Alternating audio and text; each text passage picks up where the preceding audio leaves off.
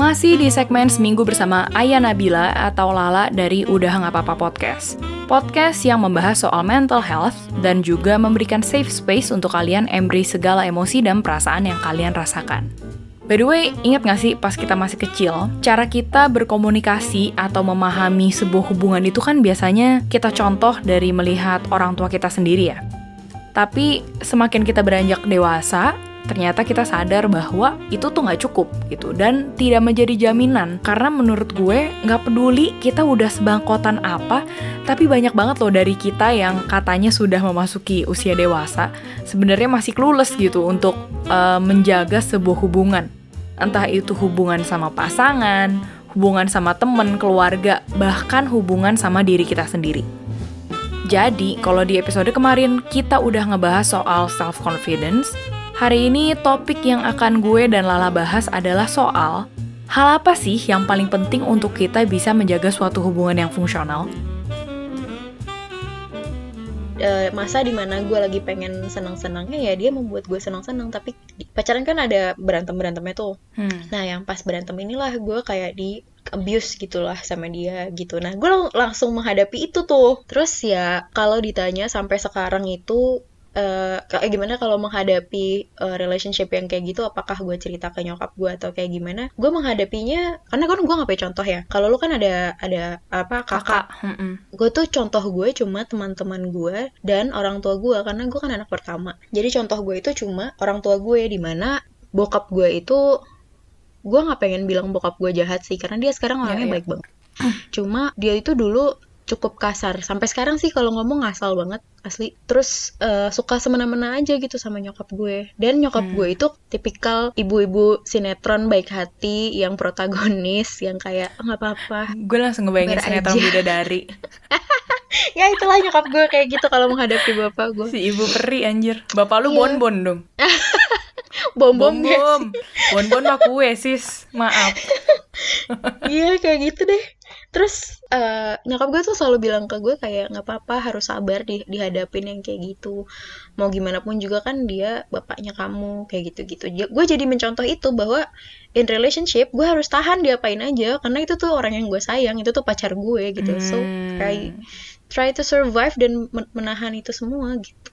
Nah by the way lo itu tahu nggak sih setelah selama ini lu berhubungan uh, sabar itu sebenarnya sampai mana titiknya gitu loh dan apakah ada hubungannya sama uh, eh, self love itu sendiri karena di mata hmm. gue kalau misalnya lo cuma pakai sabar di dalam relationship tapi elunya aja nggak nggak mencintai diri lu sendiri atau lu nggak tahu lu tuh harganya seberapa gitu ya Mm-mm. lu akan melakukan sabar karena for the sake of ya gue mau gue sayang nih orang jadi sayang sama gue Mm-mm, sedangkan kalau misalnya lu sabar tapi memang diakomodasikan dengan self love itu sendiri itu akan menjadi rem sebelum hubungan itu menjadi snowball of toxicity gitu di mata gue. Yes, betul.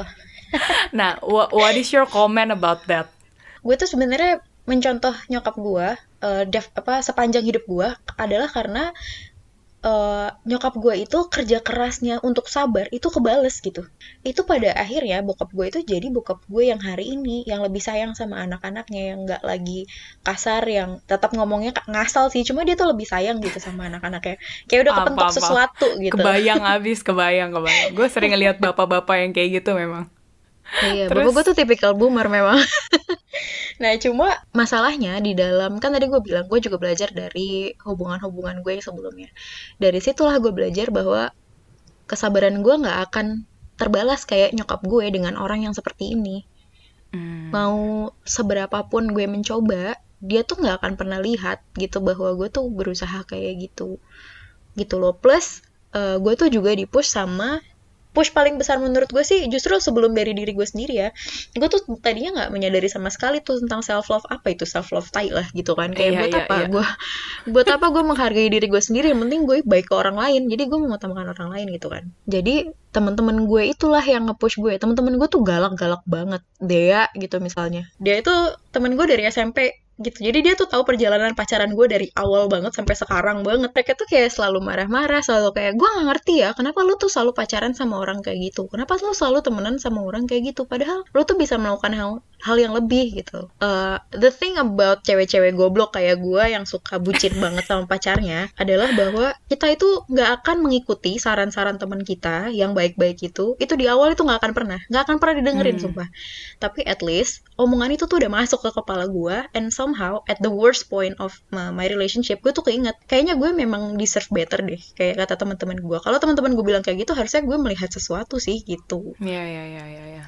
Nah, cuma uh, kalau dari nyokap lu itu ada nggak sempet misalnya nyokap atau bokap lu ngajarin soal self love? Gue sih mau assume enggak ya, tapi ya siapa tahu gitu. exactly. Ketawanya udah enak banget. Sekali. Enggak ya, oke. Okay. enggak. Uh, bokap nyokap gue itu bukan tipe yang mengajarkan secara verbal gitu loh, bukan tipe yang kayak mbak kamu tuh kalau misalkan mau begini harus begini gitu enggak jadi gue selalu belajar otodidak gitu semuanya tuh raba-raba iya ngeraba-raba ngelihat dari apa yang nyokap gue lakukan apa yang bokap gue lakukan kayak gitu. Growing up gue jadi tidak lagi melihat bahwa harusnya tuh kan kalau kalau nyokap gue tuh orangnya sabar banget ya. Justru dia itu kebalikan dari yang namanya self love dia itu mencintai dirinya sendiri dengan mencintai orang lain gitu. Coba jelasin dulu konsepnya kayak gimana? Jadi Uh, karena mungkin sekarang dia juga udah jadi nyokap kali ya. Kalau dulu, dulu itu dia sempet yang kayak pergi ke bar gitu, minum-minum kayak gitu. Terus sebelum sebelum tanda kutip dia mengenal agama kali ya. Nah, terus baik. Dia kemudian pakai jilbab dan dia jadi uh, lebih ekstra memberikan apa namanya mengekspresikan dirinya melalui rasa sayang dia ke orang lain, ke gue, ke adik gue dan ke bokap gue gitu. Itu tuh jadi ekstra banget banget sampai I don't think she have left for herself gitu. Hmm Berarti kan kita nih sama ya, nasibnya kayak apa itu self love, makan tai gitu kan. Yeah. Nggak tahu itu dari orang tua. Even orang tua kita aja nggak tahu bukan karena mau ngajarin, tapi buat dia aja konsep itu asing dan privilege gue rasa untuk beberapa orang. Betul. Untuk mencintai diri sendiri gitu. Nah, uh, tapi kalau dari lo sendiri, self love itu buat lo apa? Hmm.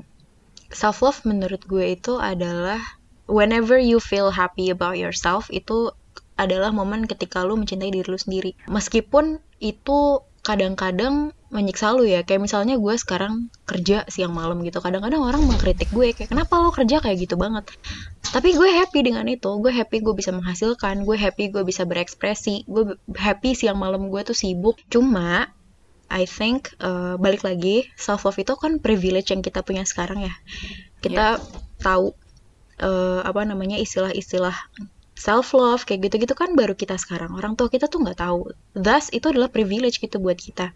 Ya, jadi bener. it is normal menurut gue untuk sesekali kita bertanya-tanya kok gue benci ya sama diri gue sendiri? gitu. Karena toh pada dasarnya kita tidak dibesarkan dengan konsep itu gitu. Itu adalah konsep yang sama sekali baru. And exploring the new thing ya wajar untuk sesekali mundur dan bertanya ini gue bener nggak sih? gitu Hmm, yang gue pengen tanyakan ke lu gitu karena gue pun juga struggle dengan hal ini gitu ya.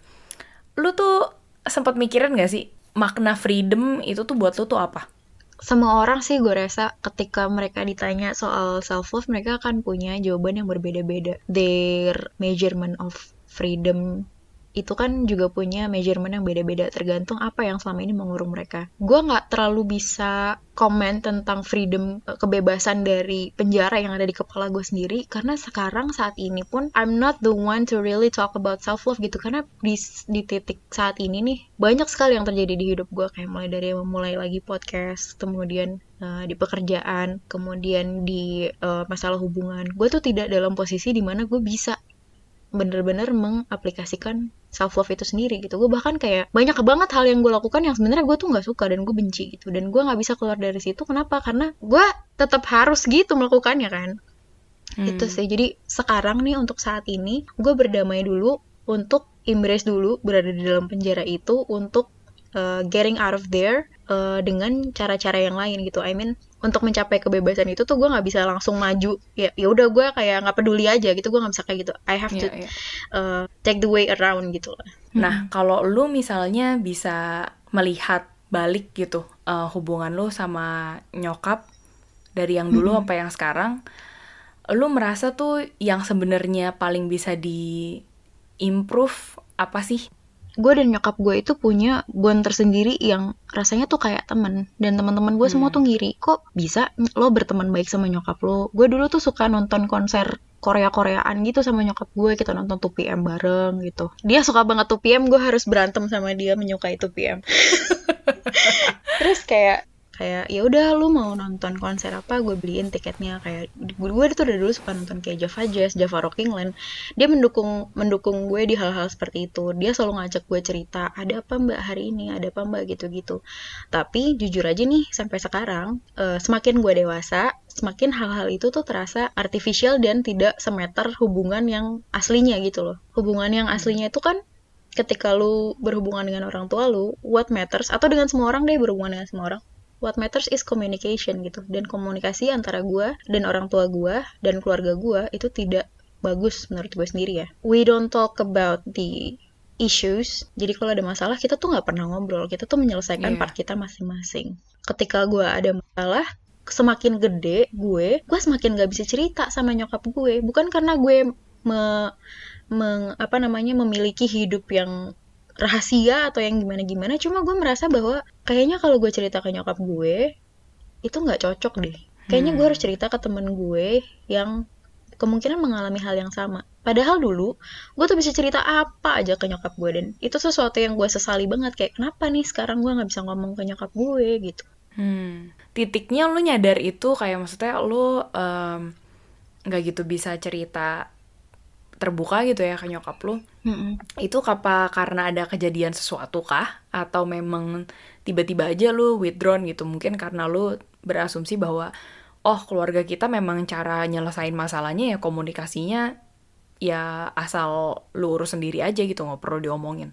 Itu sebenarnya dua hal dua dua masalah yang berbeda sih. Kayak kenapa gue nggak bisa cerita lagi sama nyokap gue jujur gue juga nggak tahu kenapa dan gue juga nggak withdrawn. Cuma kayak I guess karena gue juga lama nggak di rumah. Maksudnya kan gue sekarang tinggal di Hmm. Jakarta untuk kerja. Keluarga gue di. Bekasi. Eh, kita tuh jarang teleponan. Gue juga bukan anak yang kayak gue harus telepon bokap nyokap gue nih setiap hari. Gue juga nggak tahu mau ngomongin apa gitu. Dan keluarga kita juga bukan tipe yang kayak gitu gitu. Hmm. Nah, itu tuh berhubungan juga sama kayak gimana keluarga gue tuh nggak pernah berkomunikasi gitu loh. Dan gue itu menyadari hal ini karena along the way, gue tuh value yang penting di hidup gue tuh kayaknya cuma kerja dan relationship menurut gue. Hmm. Jadi dari dua hal itulah gue belajar. Dan dari relationship dengan banyak orang, dengan teman, pacar, dan keluarga, gue tuh belajar bahwa komunikasi itu penting banget. Lu tuh harus ngomong, lu tuh ada masalah apa. Lu nggak bisa diem aja. Nantikan episode terakhir di segmen Seminggu Bersama Lala dari Udah Nggak Apa-Apa Podcast di mana kita akan ngobrolin topik mengenai seberapa penting sih peran seorang teman saat kita terperangkap di dalam hubungan yang nggak sehat. jaga dia jangan sampai ketika dia salah tuh dia jatuh-jatuh banget ya jangan sampai kayak gitu yang penting diingetin dijaga dan kalaupun dia gagal dia akan punya kita gitu loh Episode selengkapnya akan rilis di hari Jumat ini ya.